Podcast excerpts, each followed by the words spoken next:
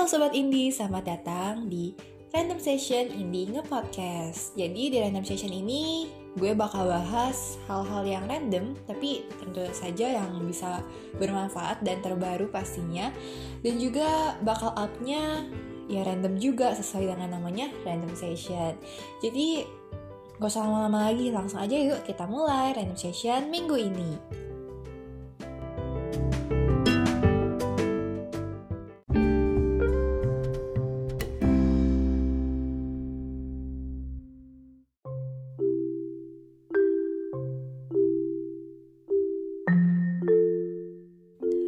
Sobat Indi, apa kabarnya nih? Semoga baik-baik aja ya.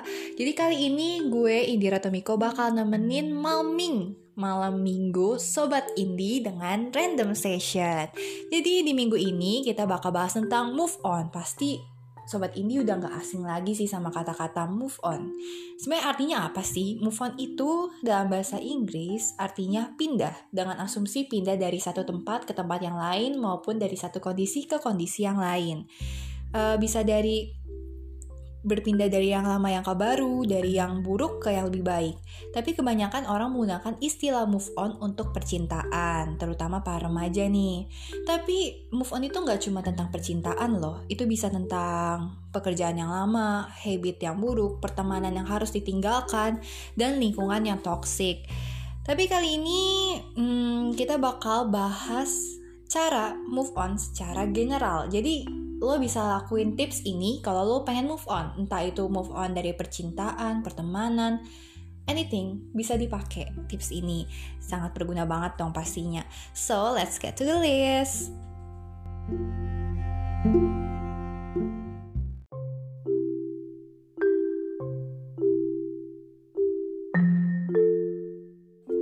Yang pertama, terima rasa takut yang muncul. Pastinya ketika kita ingin move on, ingin berubah, pasti akan muncul rasa takut.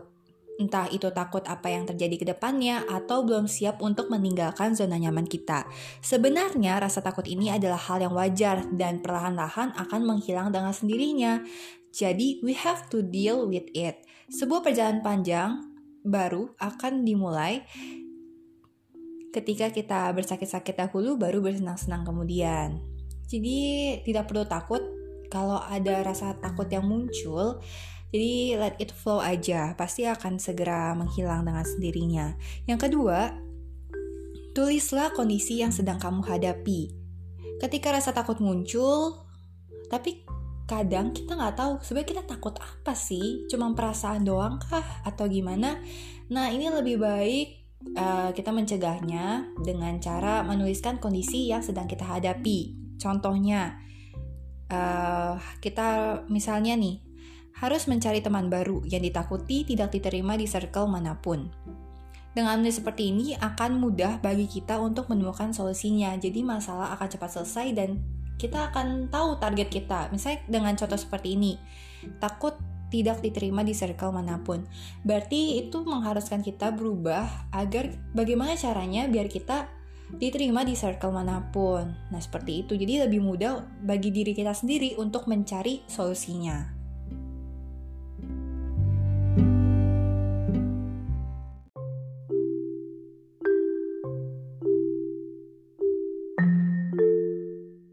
Yang ketiga, tanya kepada diri sendiri. Kenapa? Setelah kita menulis, kita harus menemukan solusinya dengan cara menanyakan kepada diri kita sendiri.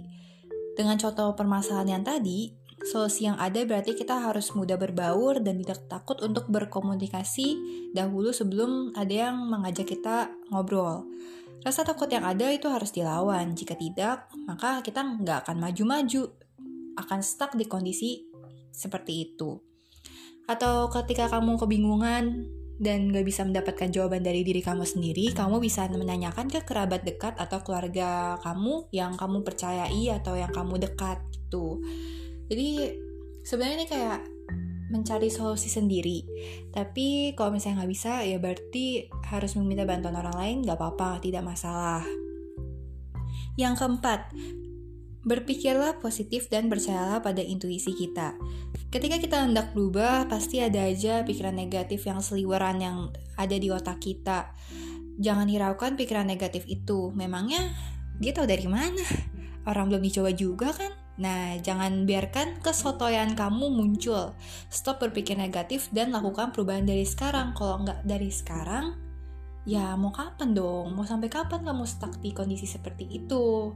Seperti itu guys.